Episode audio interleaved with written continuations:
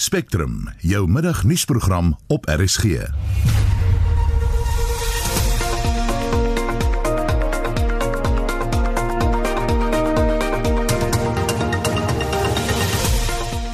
In die program die lugvaartbestuurafdeling van die wapenvervaardiger Denel het aangekondig dat werknemers die maand slegs tussen 10 en 75% van hulle salarisse sal ontvang. Wat ook al enige verantwoordelike persone doen, hulle moet dit vinniger doen want Denel het nie tyd nie en Denel se werknemers kan nie nog 2, 3, 4 maande wag voordat hulle 'n vol salaris kry nie. 'n Veiligheidswag wat 'n tiener doodgeskiet het toe hy 'n waarskuwingsskoot tydens betogings afgevuur het, het vanoggend in die Landdroshof in Bloemfontein verskyn. En 'n landbouekonoom sê debatte oor die impak van rooi vleisproduksie op die omgewing moenie onderskat word nie. Ons in Suid-Afrika is ver van Amerika af, maar die tendens wat daar aan die gang is en ons nuwe verbruikers wat alles van 'n produk wil weet en wil seker maak dat die produk nie die omgewing beskadig nie kan ook oorspoel na ons toe as dit nie alreeds het nie. Span in die ateljee se redakteur Marlenae Forsie, produksieregisseur Evert Snyman en ek is Susan Paxton. Dit is nou 5 minute oor 12 jy luister na Spectrum. Die lugvaartbestuurafdeling van die wapenvervaardiger Denel het aangekondig dat werknemers die maand slegs tussen 10 en 75% van hulle salarisse sal ontvang. Die besnyding op salaris word veroorsaak weens handelsuitdagings wat die maatskappy ondervind in opsigte van kontrakte met sekere kliënte wat sy kontantvloei beïnvloed. Essie de Klerk doen verslag. In 'n verklaring sê die bestuurshoof van die lugvaartbestuurafdeling van Denel die vertraging met kontrakte met sekere sleutelkliënte plaas druk op die kontantvloei wat benodig word om skuldeiserverpligtinge volledig na te kom wat salarisbetalings aan werknemers insluit. Werknemers van die lugvaartbestuursafdeling sal alle uitstaande salarisse vir April ontvang, maar vir Mei sal werknemers as volg betaal word. Werknemers wat meer as 1 miljoen rand verdien, sal slegs 10% van hulle salarisse ontvang. Werknemers wat meer as 250 000 rand verdien, sal 22% van hulle salarisse ontvang en werknemers wat minder as 250 000 rand verdien, sal 75% van hulle salarisse ontvang. Die bestuur dui ook aan dat werknemers moontlik later as 25 Mei betaal sal word.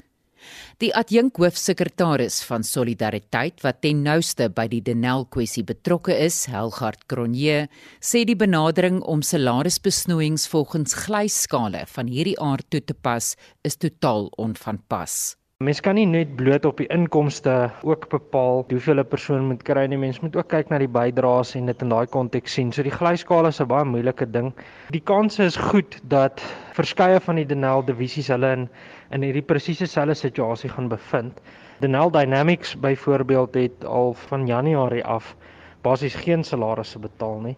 So die situasie by Denel verswak amper by die dag en ek weet daaroor is baie moeite gedoen deur bestuur om 'n nuwe omkeerplan wat vereis is deur die raad en die departement van openbare ondernemings um, op te stel en te finaliseer en met ons as georganiseerde arbeid te konsulteer daaroor en ons het al vir ons weet goedkeuring van die plan gegee en daai plan is ook deur die raad goedgekeur en reeds verwys na die politieke strukture toe die departement van openbare ondernemings en so Hy sê Denel is besig om planne saam te stel wat aan die parlement voorgelê gaan word om die nodige kapitaal te bekom. Ons bekommernis is dat enige vordering wat tans gemaak word met die herkapitalisering of met die verkoop van gedeeltes van Denel en al hierdie prosesse eintlik half te stadig gebeur en dat die agteruitgang van Denel vinniger is as wat die insameling van kapitaal vir die herstel van Denel is.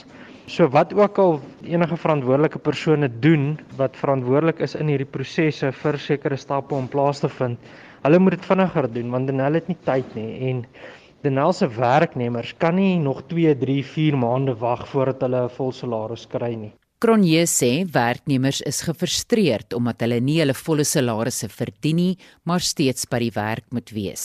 Hulle is gewillig om te werk, maar daar is dikwels nie die nodige hulpbronne nie en daar is volgens hulle geen toekomsverwagtinge nie. En dit is hoekom 'n mens hoor van hierdie gevalle waar mense selfmoord pleeg en so, dit is geweldig sleg. Ons het natuurlik by Solidariteit al by verskeie geleenthede kospakkies en vouchers uitgedeel deur Helpende Hand vir ons lede om te probeer help waar ons kan en om mense deur hierdie moeilike tye te probeer help en bystaan en dan is daar natuurlik ook verskeie dienste beskikbaar soos maatskaplike werkers deur die Helpende Hand arm van Solidariteit. So ons probeer verskeie dienste bied om ons lede deur hierdie moeilike tye te probeer dra. Dit was die adjunk hoofsekretaris van Solidariteit Helgard Cronje en ek is Estie de Klerk vir SAK nuus. Die ineenstorting van dienste in Mangaung is die primêre rede vir die betogings wat dele van Bloemfontein sedert gister ontwrig, sê die politieke ontleder Dr Ina Gous van die Vrystaatse Universiteit. Andri Weingart het met haar gepraat. Die situasie in die Mangaung Metro in Bloemfontein bly gespanne. Gous sê 'n heel nuwe administrasie anders as die van die ANC is nodig om sake reg te ruk. In alle eerlikheid kan ek nie dink dat onder die huidige administrasie administrasie wat bevoeg is om diens te lewer wat die politieke wil het om dit te doen wat politieke inmenging sal teestaan dit is alles faktore wat kon bydra tot beter dienslewering in die algemeen. Maar soos ons weet ehm um, veral in die Vrystaat is hierdie faktore ehm um, jy weet baie betrokke by munisipale regering Ek kan nie dink dat met 'n ANC regering en die invloed van buite af die verskillende faksies um, op hierdie stadium 'n positiewe uitkoms sal hê vir vir Mangaung. Die proteste plaas ook groot druk op die plaaslike ekonomie en die uitrol van die enstofprogram plaaslik is ook daardeur geraak, sê Gous. Ek dink nie daar's ooit geregverdiging vir geweld en vernietiging tydens proteste nie. Ek dink uh, 'n mens verstaan as belastingbetaler, as inwoner natuurlik die frustrasie rondom swak dienslewering of, of dienslewering wat net glad nie bestaan nie. En in sekere woonbuurte in die dorp is dit baie erger as in ander. Maar 'n mens betoog juis teen swak dienslewering teen die verval van infrastruktuur en om dit nog verder aan te help dien niemand. Sy sê al het 'n mens begrip vir die protesteerders se frustrasie, kan geweld en vernietiging nooit geregverdig word nie om op te noem is dat ehm um, die protesaksie en die feit dat die middestad veral uh, en seker ander dele onbegaanbaar is vir mense het definitief negatiewe invloed gehad op die uitrol van die COVID-en stof uh, wat gister moes gebeur. En dit blyk dat daar ook nie mense wat in rye gestaan het en gewag het by sekere klinieke en aangewese plekke nie die enstof kon ontvang nie. En um, ek is dink dit gaan vandag ook die geval wees. Sy stem saam met die bevel in die Kuilsrofse Landdroshof dat die EFF moet opdok vir die skade wat aangerig is tydens 'n betoging deur die party in Brackenfell onlangs. Ja, ek dink die EFF wat skadevergoeding moet betaal vir die Brackenfell skade wat berokken is, is absoluut geregverdig. En ek hoop dit word absoluut afgedwing in die vervolg sodat betogings groepe wat uh, protes aksie loods verantwoordbaar gehou kan word vir enige skade wat aangebring is. Dit was die politieke ontleder Dr Ina Gous van die Vrystaatse Universiteit. Hendrik Weingart vir SAK nuus. En ons gaan kyk of ons 'n bietjie later met ons verslaggewer in Bloemfontein kan praat oor die jongste daar. Die burgerregte groep Black Sash versoek die regering om die spesiale COVID-19 bystandfonds te verleng. Die uitbetaling van die spesiale toelaag van R350 per maand het op 30 April geëindig. Winsime Fokeng doen verslag. Black Sash het sy kommer uitgespreek oor die vertraging in die uitbetalings van die spesiale COVID-19 toelaag. Die Suid-Afrikaanse Agentskap vir Maatskaplike Sekerheid het egter alle onbetaalde begunstigdes om verskoning gevra en gesê dat die betaling sal plaasvind so gou as wat die administratiewe proses toelaat. Black Sash se woordvoerder, Esli Philander, sê die betalingsvertraging is nie 'n geïsoleerde voorval nie. When outstanding payments are eventually made, it may be split over days and weeks and is unlikely to be paid in a lump sum. The Black Sash urges government departments and agencies to work together to ensure prompt payment to beneficiaries. SASA must intervene decisively and communicate clearly when lump sum payments can be expected. Countless beneficiaries remain uncertain and continue to gather in large crowds at SAPO branches to make inquiries in the desperate hope for payment. Die aansoeke en uitbetalings vir die toelaag het verlede maand ten einde geloop. Volgens die Black Sash was die toelaat die enigste manier vir 6,9 miljoen Suid-Afrikaners om kos op die tafel te sit. A COVID-19 third wave is becoming a reality since infections are increasing, food prices and the cost of living continues to skyrocket and over 11 million people are unemployed using the expanded definition. Die Wes-Kaapse DA se woordvoerder vir maatskaplike ontwikkeling, Kilian Bosman, sê die saak is nog meer kommerwekkend na die stadige proses van 30000 uitbetalings in die provinsie wat 1 jaar geneem het om op te los. Bosman sê die voortsleepende uitdagings by SASSA vorm deel van breër struikelblokke in die maatskaplike ontwikkelingssektor. We commend the hard work being done by SASSA in the Western Cape, even though they have to comply with the national corporate structure and report to their national CEO and the Minister Zulu. Technically, the fiscal framework from national government cannot with ease accommodate the continuation of the SRD 350 Rand grant as suggested, but the economic conditions of our residents demand this form of relief, and we know that this form of relief will go a long way in rebounding our ailing economy. It appears that the issues with SASA are systemic, and we need a broader conversation on how we address these issues. We ask that Minister Zulu, as the political head, please come to the party and help our poor residents. Dit was Kilian Bosman, die Wes-Kaapse DA se woordvoerder vir maatskaplike ontwikkeling. Ek is Vincent Mufokeng vir SAIK nuus. Ander meer restaurante en mense beweeg na skoner eetprogramme en baie daarvan sny rooi vleis uit. Veral beesvleis word geteken as die nuwe steenkool van die wêreld weens die groot hoeveelheid koolstofdioksied wat vrygestel word. Die hoeveelheid beeste waarmee geboer moet word om aan die rooi vleis of rooi vleis lus te kan voldoen. Baie sê dit is sommer nonsens, maar 'n landbouekonoom van die Universiteit Vrystaat, Dr. Frikkie Maree sê Suid-Afrikaners moet dalk nie te vinnig die storie afmaak as ons nie. Dit word so ver gedryf dat al politieke debatte is oor die gebruik van vleis waar die nasionale partye in Amerika 'n voorstander is van meat-free days en die Republikeine weer daarteen terugkap met meat on the menu days. Ons in Suid-Afrika is ver van Amerika af, maar die tendens wat daar aan die gang is en ons nuwe verbruikers wat alles van 'n produk wil weet en wil seker maak dat die produk nie die omgewing beskadig nie kan ook oorspoel na ons toe as dit nie alreeds het nie. Meat Free Mondays vir 'n voorbeeld is al lankal by ons bekend en dit word op nasionale media uitgebasyn. Nou as ons op 'n braaivleisvuur staan, is dit maklik om grappies te maak en te sê maar laat die wat nie wil vleis eet nie dit nie eet nie want daar's meer vir ons. Maar hoe lank gaan ons dit net as 'n grappie kan afmaak? Die probleem is in Suid-Afrika dat ongeveer 80% van ons grondoppervlak uit natuurlike veiding bestaan wat net deur beeste, skape of wild omgesit kan word in 'n eetbare produk. Nou daar's ander lande wat in dieselfde situasie as ons is, maar daar's ook lande wat vleis op aangeplante veidings produseer en waar die reënval genoeg is om ook ander gewasse te kan produseer. Nou indien eerste wêreldlande se dryf regtig gaan na die ete met minder vleis in en die vraag na vleis redelik gaan dal, kan die plekke waar vleis van aangeplante veidings af geproduseer word dalk oorskakel na ander gewasse toe. Maar daar waar jy van natuurlike veiding afhanklik is, moet jy basies vleis produseer. Nou as hierdie tendens net in eerste wêreldlande gebeur, gaan dit ook oorspoel na ons toe, aangesien die vleis wat daar te veel produseer gaan word, basies hier gedamp kan word en ons gaan 'n daling in ons pryse sien. Ons kan nie ontken dat beesvleis wel 'n groot bydraer tot kweekhuisgasse is nie.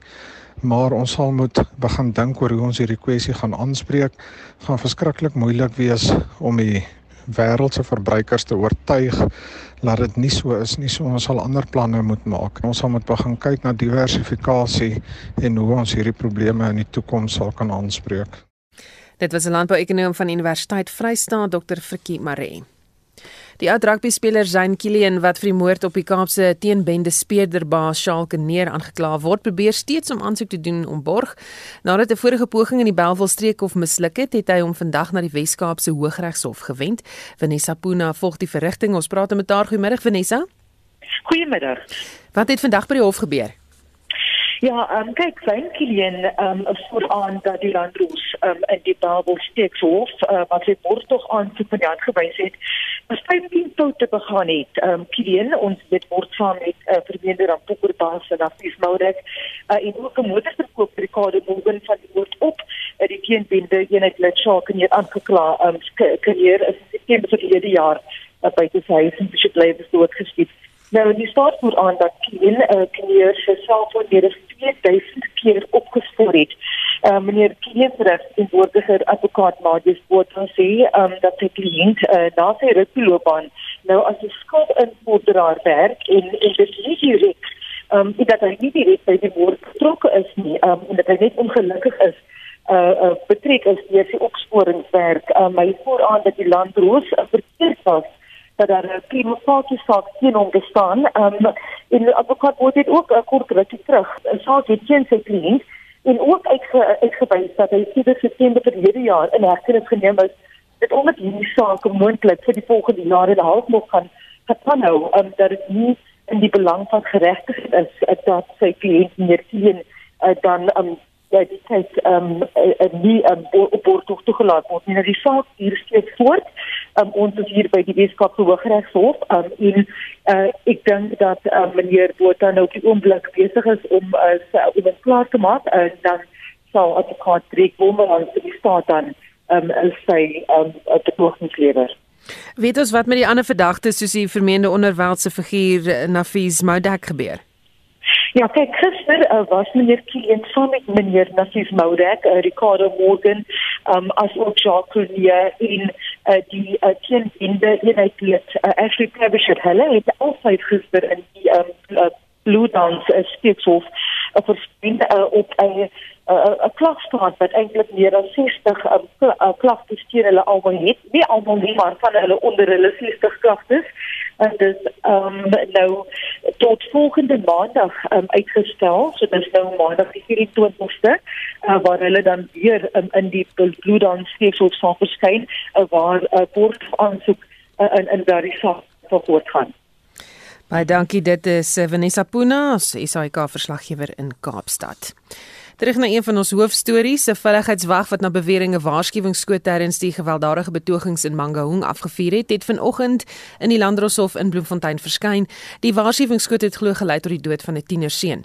Ons praat nou met ons verslaggewer in Bloemfontein, Ismail Modiba. Good afternoon, Ismail. Good afternoon. You were in the township in Mangaung this morning um, where the protest took place. What was the situation like? Well, the situation is still tense as uh, you know, you know, as I've been there yesterday and uh, even this morning. This morning, I think I spent uh, roughly four hours there, just driving around to to check the mood among the people and to see how things are. It's difficult to drive some of the streets because you have to maneuver your car around as uh, some roads are still barricaded with rubble, stones, and burning tires and there are a lot of community members who are still uh, hanging around, you know, in their corners just to speak, uh, to, to, to check the mood and speak as community members. And some of them, when you speak to them, they are saying it was good that they, they needed to have this shutdown, but they condemn the current situation that led to the death of a 15 year old boy. And at the same time, they are saying they are not happy that the, the shop belonging to foreign nationals have been looted because they are saying these people, our own people, we rely on them, they help us. So they are saying they condemn the criminal element that has taken over what they thought was going to be a peaceful shutdown. Um, did the suspect appear in court today? The 57 year old security guard who we were you know rightly so informed yesterday that he'll be appearing in court today uh, has not appeared in court today but we are told that he'll be appearing in court tomorrow. Because you know according to the law any suspect who's been uh, arrested must appear in court within 48 hours. So tomorrow he will be appearing in court together with other 19 suspects who have been arrested for public violence and looting. So that will be that is that is a situation that as it stands currently. Were there more protests outside of court uh, not today, like uh, there, there, there, was nothing outside court. There was no appearance except that the, the matter will only be heard tomorrow on hmm. Wednesday. Baie dankie, dit was ons verslaggewer in Bloemfontein Ismail Modiba. In Bloemfontein sê die DA raadslid van die Mangaung Metro, Rousseau Botha, dat min mense na en van of uit Bloemfontein kan kom. Die metro se woordvoerder se foon bly besig en Spectrum kan geen inligting van hulle afkry nie. Die onderskrifte danke aan die Mangaung Community Concerns groep. Hulle het wel sekere dele baie ontwrig by wyse van die strate wat geblokkeer is, bande wat gebrand is, plek plek is daar goed beskadig wat op die sypaadjies gestaan het en ons verneem enkele privaat eiendomme is beskadig. Hulle beplan om vir 3 dae te doen. Na wat verneem word is hulle vandag besig in die Botshabelo gebied en volgens inligting wat nie geverifieer kan word nie, het hulle ook aangedui dat hulle wel die Wetstorp en Wepener wil besoek en dan ook in die proses te Bancho vandag of môre. So mense moet sien waar dit oral na vore kom, maar dit is die geboodskap en die gerig wat algemeen is. Wat egter sleg is vir die inwoners van die groter Mangaung en spesifiek die stad Bloemfontein, is dat baie besighede vanaf gister al reeds gesluit het. Vandag is ook 'n hele aantal besighede gesluit. Supermarkte is gesluit, banke is gesluit, ander soort besighede, e-, eenmansake en wat dit egter verder sleg maak is vir die huisvrouens wat by die supermarkte iets wil gaan koop. Die enkeles wat oop is, se voorraadvlakke is so laag as gevolg van geen afleweringe wat plaasvind nie en ook as gevolg van amper geen amptenare wat in die betrokke winkels werk nie. So dit is 'n totale lamlei aksie wat plaasvind. Dit doen die ekonomie baie skade in Bloemfontein juis in die tyd van COVID-19 wat so op sy derde vlak die afgelope paar dae in die Vrystaat en spesifiek in Bloemfontein weer na vore kom. So mense is baie baie jammer vir alles wat nou 'n sameloop van probleme is en wat die inwoners en die belastingbetalers van die groter Bloemfontein weer moet aanskou. Wat doen die metro? Ek probeer die woordvoerder van die metro in die hande kry, maar sy foon bly besig. Ongelukkig moet ek sê dat die terugvoering van die Mangaung metro is baie swak, nie is beperk nie, swak. Ons as raadslede het al hoeveel keer probeer kyk waar kan ons inligting kry om dit te kommunikeer met die inwoners, maar ons kry geen samewerking van hulle nie. En dis ongelukkig hoekom hulle so op 'n slegte punt funksioneer nou, want dit het gemaak dat die Mangaung Community Concern groep wat voel hulle kry nie werk nie, hulle kry nie kontrakte, hulle kry nie tenders nie tot hierdie aksie te oorgegaan het. En die Mangaung groepering van die Mangaung metro se kant is absoluut doodstil en ek dink hulle moet die vraag vir hulle self vra of hulle te alle tyd reg optree teenoor die inwoners en spesifiek teenoor die ongelukkige groepering omdat daar glad nie werk vir sekere mense wat in sekere faksie behoort is nie toegeken word nie. En dit was Rousseau Botus, uh, hy sê dit van die DA in die Mangaung metro en hy het met Missie van der Merwe gepraat. Daar is goeie en slegte nuus vir motoriste wat betref die brandstofprys in Junie. Op hierdie stadium gaan petrol met sowat 1 sent per liter daal, maar diesel gaan na verwagting met 20 sent per liter styg. En vir die jongste praat ons nou met Dr. Chris Harmse, ekonomiese adviseur van S3 Capital. Goeiemôre Chris. Môre Susan, môre luisteraars. Hoe presies staan sake op hierdie stadium? Susan sê dit sê dit is 'n baie op die mespunt storie want ons kry elke dag die twee faktore, né? daai petrolprys bepaal. Uh die een is natuurlik die internasionale prys van van uh die uh, Brent crude olie en ons sien hy neig nou na oor die 70 dollar. Hy intedeel hy het vandag oor die 70 dollar beweeg. Hy verhandel oomblik so net so 70 dollar rond 70 dollar en 12 'n vat. Nou dit veroorsaak op die oomblik dat op diesel ons die 31 sent natuurlik nou onderverhaal is en op petrol die 10 sent. Dan het jy 'n ander faktor as die rand, dis weer die positiewe faktor. Uh tot gister waar die rand nog gewerk het op R14.12, sou ons nou 10 sent weer inhaal op diesel, uh, ons nou weer natuurlik oorverhaal is en 11 sent op petrol. Nou alhoewel die olieprys oornag oor die 70 dollar beweeg het, sien ons nou dat die rand neig om te beweeg in die rigting van onder R14. Hy verhandel op die oomblik omtrent presies op R14. So dit is daarom weer 12 sent sterker as gister. So ons gaan hierdie wipplank ryery kry. Um in die volgende week of wat totdat hulle die aankondiging gaan maak. Maar ek dink ons moet ons maar klaar maak dat dit met min of meer wat gaan gebeur. Baie sywaartse beweging in petrolprys en ons gaan so 'n bietjie effens meer vir diesel moet betaal. Ons moet natuurlik net onthou verlede verlede jaar aflede ehm um, verlede uh, maand het ons heelwat minder betaal vir diesel as wat ons die daling in die in die petrolprys was. So ons sal moet kyk, ons dit moet ophou. Ons sal natuurlik dan ook moet maak ons sien dat ehm um, uh die uh die effek van volgende maand gaan wees op die inflasiekoers want ons moet onthou die monetêre beleidskomitee het vandag met 'n vergadering begin. Hoe gaan hulle dit in ag neem? Wat is die effek daarvan op die inflasiekoers? Uh die syfer vir die nuutste inflasiekoers vir April maand word môre beskikbaar gestel en ek sien ons kan 'n sterk stygings verwag, né, van 4. van 3.2 na 4.2. Uh en dit beteken dat hierdie sterk stygings in die petrolprys 2 maande gelede definitief effek gehad het.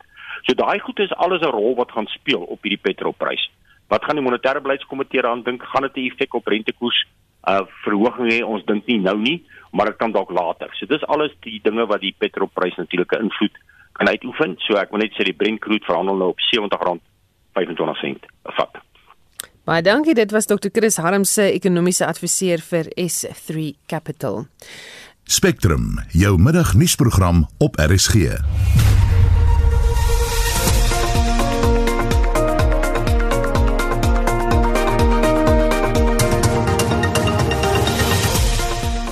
Die afgelope halfuur die lugvaartbestuurafdeling van die wapenvervaardiger Denel het aangekondig dat werknemers die maand slegs tussen 10 en 75% van hulle salarisse sal ontvang.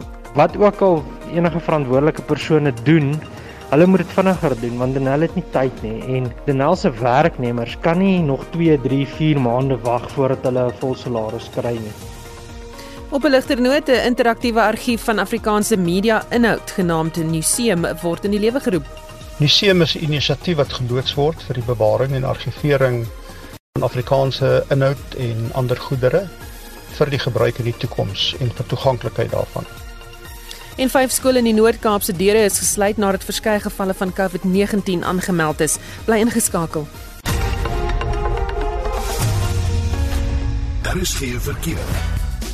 In Gauteng Pretoria was daar 'n botsing op die N1 suid net voor Linwoodweg, drie bane toe stad in net na Jan Smit Strydlaan en dit is in die linkerbaan. Dit is jou verkeersnuus. Sanparks het die vonnis van 4 mense vir onder meer renosterstropery en onwettige jag in die wildtuin verwelkom. Een van die 4 was 'n Sanparks werknemer. Hulle is gesamentlik tot 16 jaar tronkstraf gevonnis. Die woordvoerder van die Nasionale Kreer Wildtuin, Ike Pagla, sê die saak sleep al 'n geruime tyd voort. South African National Parks said today welcomed the finalization of two long-running rhino poaching trials by the Skukuza Regional Court.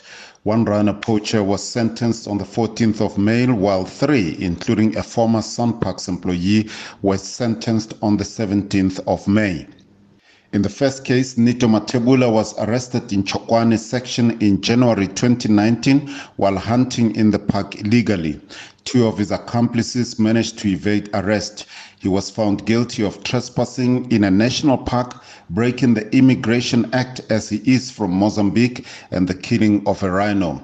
He was sentenced to an effective 13 years in custody after being found guilty on those three poaching related charges.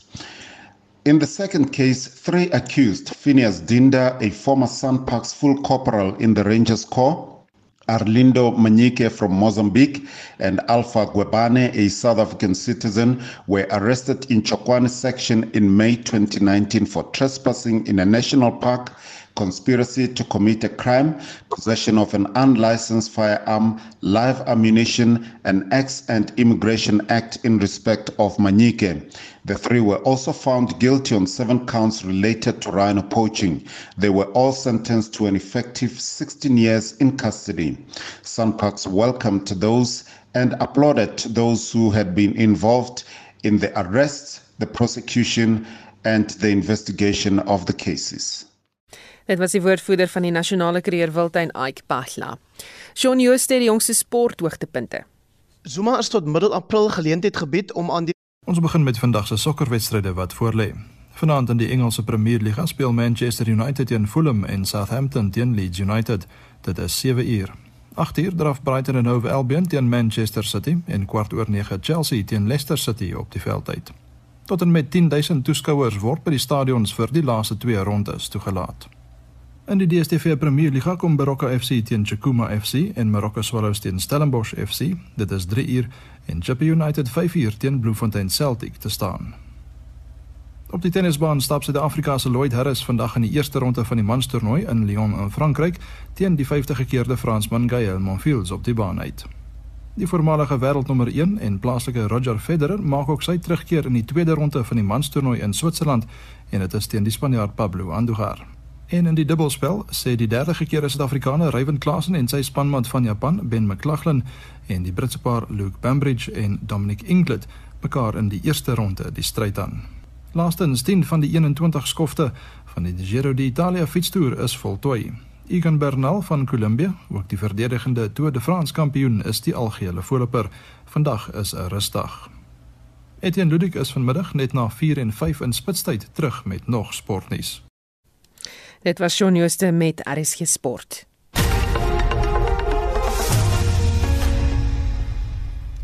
'n interaktiewe argief van Afrikaanse media inhoud genaamd Museum word in die lewe geroep. Dit is 'n inisiatief van 'n nuwensgewende maatskappy met dieselfde naam wat deur 'n aantal Afrikaanse nuus- en kultuurmense begin is.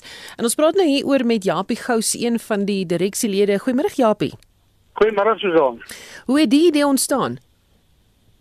Die gedagte het destyds ontstaan al 'n paar jaar gelede, uh omdat die argiewe in Suid-Afrika se toestand nie baie lekker nie en van die goed gaan verlore. En toe was daar 'n gedagte dat 'n mens dalk so iets sou begin om om bietjie te bewaar en te kyk waar die probleme is sodat 'n mens dan kan aandag gee en dat dalk kan digitaliseer. Wat is uh, van die inhoud wat jy hoop om te versamel?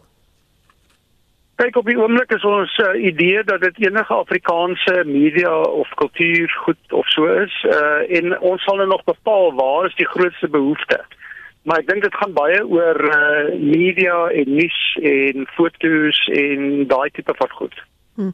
So waarom aanlyn en nie ook in 'n baksteen gebou nie? Uh ons het aanvanklik oorweeg om eers 'n museum te bou wat ons al hierdie goed kan uh kan stoor en kan bære en uiteindelik gaan ons dalk daarby uitkom, maar dit gaan 'n baie klomp geld kos. So ons het gedink miskien moet ons eers beweeg na die digitale rigting toe uh om te kyk hoe kan ons dit wat nodig is om te om te bære dat ons dit daar dan kan bære op 'n digitale wyse. Dalk bietjie goedkoper aanvanklik alhoewel dit ook van geld kos. Ja. Wie is hierby betrokke? Op die oomblik is dit net hierdie direksielede wat nou betrokke is en uh, ons is op die oomblik besig om met befondsers te gesels om vir ons te kyk waar ons kan fondse in die hand kry. En ons het ook nou sopas 'n advertensie geplaas vir 'n uh, hoofuitvoerende beampte wat dan voltyds vir hieraan kan aandag gee om die strategie en die goeie plek te kry. Hoe gaan julle verseker dat die inhoud die diversiteit van Afrikaans uitstal sodat alle Afrikaanssprekende kultuurgroepe ingesluit word? Ja, dit is baie belangrik. Uh baie van die uh kom ons sê maar van die historiese Afrikaanse goed is reeds in sekere argiewe en op sekere plekke gebeere. Maar daar's ook baie ander Afrikaanse goed wat wat nie noodwendig opgeteken is nie en wat 'n mens sal moet uh, navors om te kyk wat beskikbaar is en wat se inligting ons nog in die hande gaan kry. So ja nee, ons dit verseker uh, totaal inklusief en ons wil soveel as moontlik uh van die Afrikaanse goed wil ons wil ons uh, in ons in raamwerk inkry. Jouself is 'n groot versamelaar, gaan jy iets bydra? Miskien moet ek net my testament nou verander. Baie dankie. Dit was Japie Gouse, direksielid van die Museum Inisiatief en hy was voorheen uitvoerende hoof van die ATKV. Die grondwetkenner professor Pierre De Vos van die Universiteit van Kaapstad glo tronkstraf moet deel wees van die konstitusionele hof se straf vir oud-president Jacob Zuma se beweerde minagting van die hof. Hendrik Weingart het die storie. Zuma is tot middel April geleentheid gebied om aan die konstitusionele hof 'n aanduiding te gee watter straf hy as gepas sou beskou indien hy wel aan minagting van die hof skuldig bevind word. Dit is weens sy weiering om as 'n getuie na die Zondo-kommissie na staatskaping terug te keer in weerwil van 'n uitspraak deur die hof dat hy verplig is om dit te doen. Die kommissie vra vir 'n vonnis van 2 jaar effektiewe tronkstraf. De Vos sê wat na sy mening 'n gepaste straf sal wees. Of tronkstraf wat opgeskort word op die voorwaarde dat Zuma wel binne sinema 2 weke kom getuig of 'n periode van tronkstraf. Ek dink nie 2 jaar is gepas nie want daar word baie mense in Suid-Afrika word vir 2 jaar tronk toegestuur vir minagting van die hof, maar 6 maande of 'n jaar sou dalk die ding doen. Hy sê Zuma deur sy minagting van die hof homself verhewe bo die reg gestel. Indien sy voorbeeld boonop as 'n voormalige staatshoof deur ander gevolg word, is bandeloosheid Suid-Afrika se voorland. Die verwagting in sommige kringe was dat die hof al verlede week sy beslissing bekend sou maak. Hoewel 'n maand nie buitengewoon lank is om te wag op 'n konstitusionele hof uitspraak nie, sal hy begin wonder wat aangaan as die uitspraak nie binnekort gelewer word nie. Sy minagting van die hof was so flagrant. Dit was 'n uitdaging van die hof se autoriteit. En as die hof nie daarop gaan reageer nie, sal dit die hof op die ou end wel skade berokken. Dit was professor Pierre De Vos, 'n grondwetlike kenner aan die Universiteit van Kaapstad. Zuma het reeds duidelik gemaak dat hy glad nie van voorneme is om voor die kommissie te verskyn nie en dat hy gereed is om tronk toe te gaan as die hof so besluit. Hendrik Weingart vir SAK nuus. Die Staatskapingskommissie het vandag begin om Eskom verwante getuienis aan te hoor van reisagente wat werk vir die reisagentskap Travel Excellence. Is dit klaar dat die verrigtinge vir ons dop en ons praat met haar? Is dit hoekom is die reisagentskap Travel Excellence van belang? Susan die reisagentskap is dikwels gebruik om oorseese reise te bespreek vir die Gupta familie en talle regeringsamptenare wat met die Gupta familie verbind is. Samira Suliman en Khalima Alana wat albei vir die reisagentskap werk, het verklaringe en bewyse aan die kommissie oorhandig van hoe die Gupta sakevernoot Salim Essa opdrag aan hulle gegee het om reise na Dubai en ander lande te bespreek vir die voormalige Eskom bestuurshoof Marcelo Kokko en die voormalige hoof van finansiële sake by Eskom Anoush Singh. En uh, Suliman is as die eerste getuie geroep vanoggend, reg? Ja, die verrigting het heelwat later begin vanoggend en Suliman het net hier kort voor 12 uur eers begin getuig nadat sy die eet afgelê het en die logistieke reëlings toe uitgesorteer is. En Suleman het getuig Salim Essa het 'n reiskliënt van haar geword in 2015 toe sy um, 'n um, reisagent was vir die agentskap Harvey World en as kliënt het hy haar toe gevolg toe sy begin werk het vir Travel Excellence op 'n voltydse basis in 2016. Adjunk hoofregter Raymond Zondo het aan haar gevra of Essa 'n rekening by Travel Excellence gehad het en sy dit so aan hom verduidelik. We only open up accounts for people that we know, and that's only if they ask. So we don't open up accounts for anybody off the street. So um, we would only give them a two-week period. Sometimes, I mean, the tickets used to be issued and paid the very next day, but we did give that leeway of 14. Do you have an account with Miss Mr. Salamesa? We did so. Getuienisleier advokaat Boelie Seleka het toe aan haar gevra of sy die voormalige finansiële hoof van Eskom Anoy Singh geken het. Ja, en sy het getuig sy het nie vir Singh geken nie, maar hy is as kliënt aan haar verwys deur Essa. En advokaat Seleka het toe aan haar gevra of Travel Excellence 'n rekening vir Singh oopgemaak het. No sir, if it was anybody referred to me by a certain person, um, that person was the guarantor. So it would then, I know which is not the right thing to do because we are a very small company, we didn't have big account systems. So just for our record, because in travel agencies you don't have a big account system, but for our record purposes and payments, we used to name it after the person that referred the person to us as a guarantor. En Suleiman se getuienis voor die kommissie duur voort. En dit was Essie de Klerk wat die verrigtinge by die staatskapingskommissie vir ons dophou. Terwyl die tweede fase van die COVID-19 inentingsveld tog reeds begin het, sê die voorsitter van die Wits Universiteit se skool vir regeringskunde en maatskaplike veiligheid, professor Alex van den Heever, die regering se pas is heeltemal te stadig. I don't think it's too ambitious to vaccinate target groups that have been given, but the target is incredibly modest by comparison to the requirement. We are very late in the day and people have had a lot of opportunity to prepare months and months and months, where yeah, should have had plans along these lines from September last year. So I think that the number that we're looking at vaccinating from day one is a bit disappointing. They need to get up to scale very, very fast. I'm also not sure that the approach of rationing people to the EVDS, to the uh, registration system, is the appropriate way to go. There are faster ways to get people vaccinated, which allows people to come to the sites without necessarily having registered on the system and that needs to be up and running soon as well. Van den Heever is ook van mening dat die registrasieproses tans nie behoorlik werk nie. It's clearly quite limiting, particularly given the target group.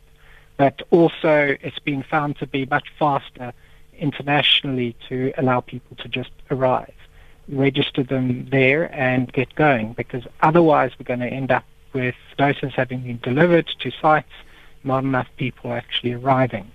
So what we want really is the system that gets most people vaccinated fast enough. We obviously are limited with the number of vaccine doses that have been acquired to date, and more doses are going to be arriving during the process of May and then June. So clearly there isn't even enough supply to handle mm-hmm. potential increase in demand immediately. But at some point it would be better to get a system that can handle much greater numbers of people. Van der Neever is ook teleurgestel dat die private sektor nie 'n groot rol speel in die hele proses nie. We're going to see an enhanced role probably demonstrated in the Western Cape rather than in Gauteng initially, and so we will see the capacity of the private sector there. But they've got the possibility of vaccinating at the pharmacy sites as well as hospital sites. It should have been expanded to include general practitioners, but also to allow the private sector as well to organize more mass vaccination sites too, which I think they would be perfectly capable of doing it. Hy sê verder dat daar nie 'n hulpbron tekort behoort te wees nie as die inentingsveld tog begin terwyl 'n derde golf van COVID-19 infeksies plaasvind. You can potentially use more junior nurses for the vaccination and the more senior nurses who would actually be required to support patients in hospital. But I don't think that we're necessarily going to reach that kind of trade-off. But we basically got to be able to do both at the same time. It's unclear how bad a surge will get. We might still reduce demand on hospital services by introducing restrictions. But I think we cross that bridge when you come to it. Don't anticipate things that haven't happened yet. Dit was die voorsteur van die Wits Universiteit se skool vir regeringskunde en maatskaplike veiligheid professor Alex van den Heever. Vyf skole in die Noord-Kaap se deure is werkingsregulasies en ons verslaggewer Ulrich Hendriks volg die verwikkelinge. Goeiemôre Ulrich. Goeiemôre Susan. Watter skole word geraak en um, hoe lank gaan hulle gesluit wees?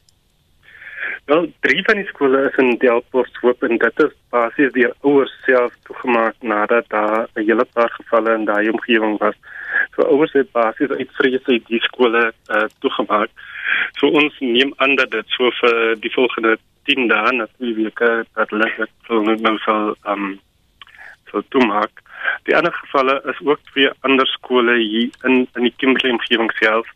Ehm um, dis laerskool en 'n hoërskool en daar was ook 'n paar gevalle uh, onder die uh, koshuis ehm um, kinders wat wat wat daar was en dit is toe ook gesluit uh, as gevolg van daai gevalle.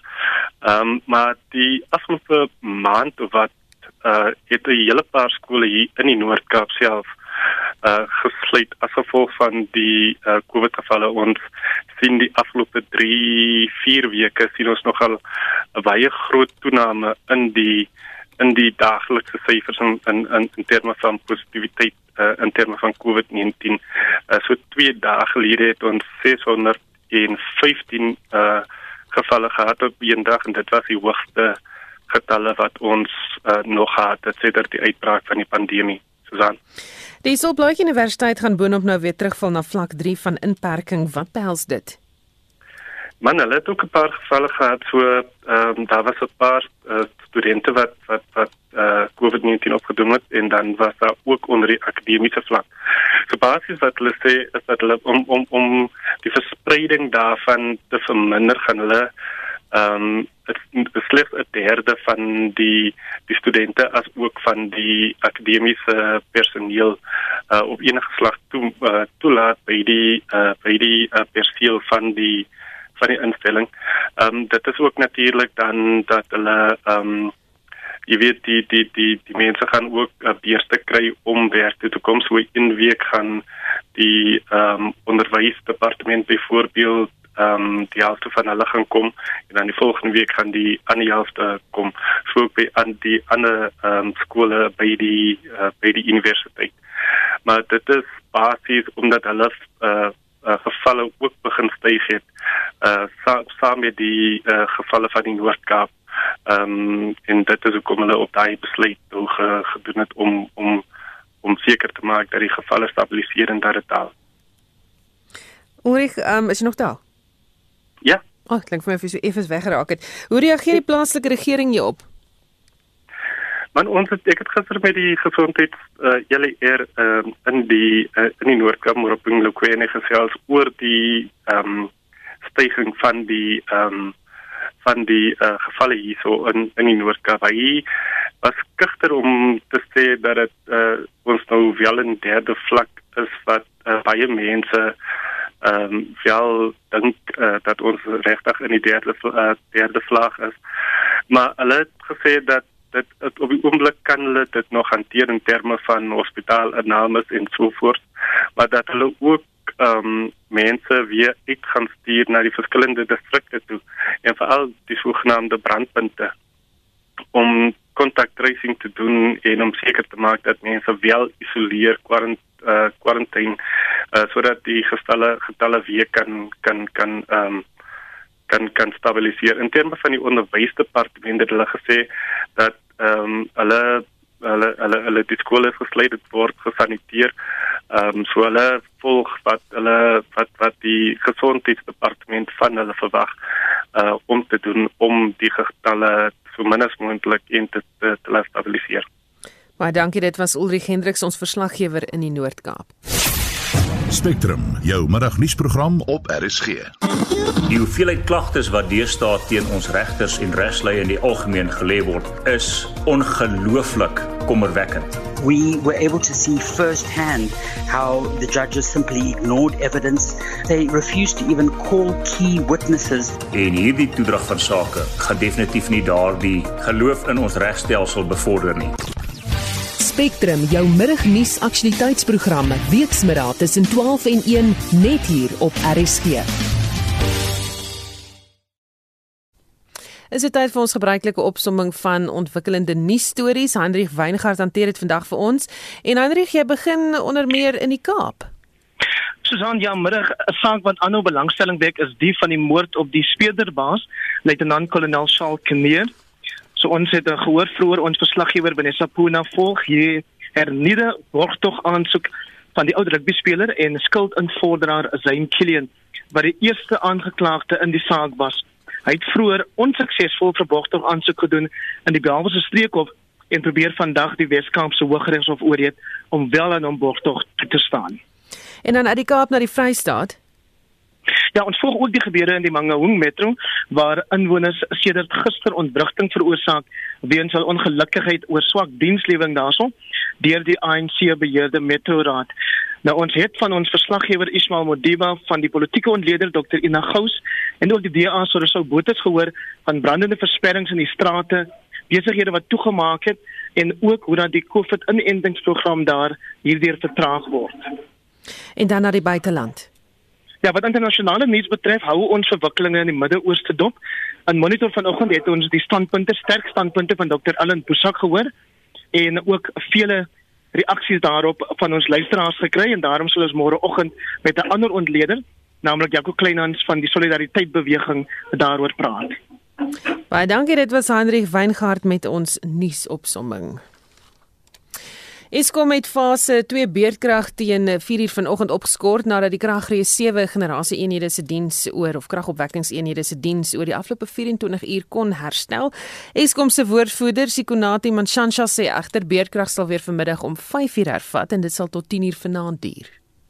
The outlook for the remainder of the week is expected to improve as Eskom teams are working tirelessly to return more generation units to service. We are currently experiencing high evening peaks, which is typical of the winter demand period. Should there be none and 10 during the night, this will be throughout the winter period. And that means to say the load shedding is most likely to occur in the evening. En dit die woordvoerder van Eskom Sikonati Manshansha. Net so voor ons groet nog 'n brokkie nuus. 'n 58-jarige boer van Mpumalanga is die afgelope naweek op sy plaas in die omgewing van Amersfoort uh, vermoor of hy's doodgevind daar. Hy's een keer in die kop geskiet.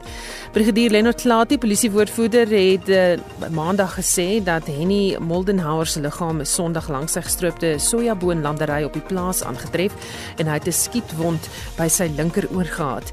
En die oorskot van 'n swart hond is ook nie ver van sy liggaam aangetref nie. Die hond behoort volgens die polisiewoordvoerder nie aan die man nie. maar vermoedelik aan sy aanvaller of aanvallers. daarmee groet die Spectrum span onthou vorige uitsendings van Spectrum is beskikbaar op Potgooi gaan net na RC se webblad by www.rc.co.za Ons het namens ons waarnemende uitvoerende regisseur Wessel Pretorius, redakteur Marlenae Forsie en produksieregisseur Evert Snyman. Ek is Susan Paxton, bly geskakel vir 360 net hierna.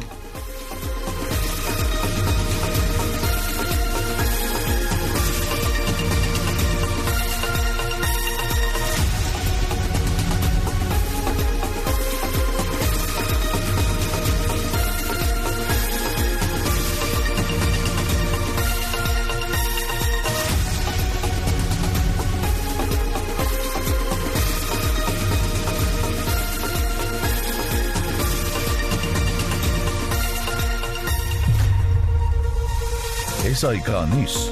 Onafhanklik, onpartydig.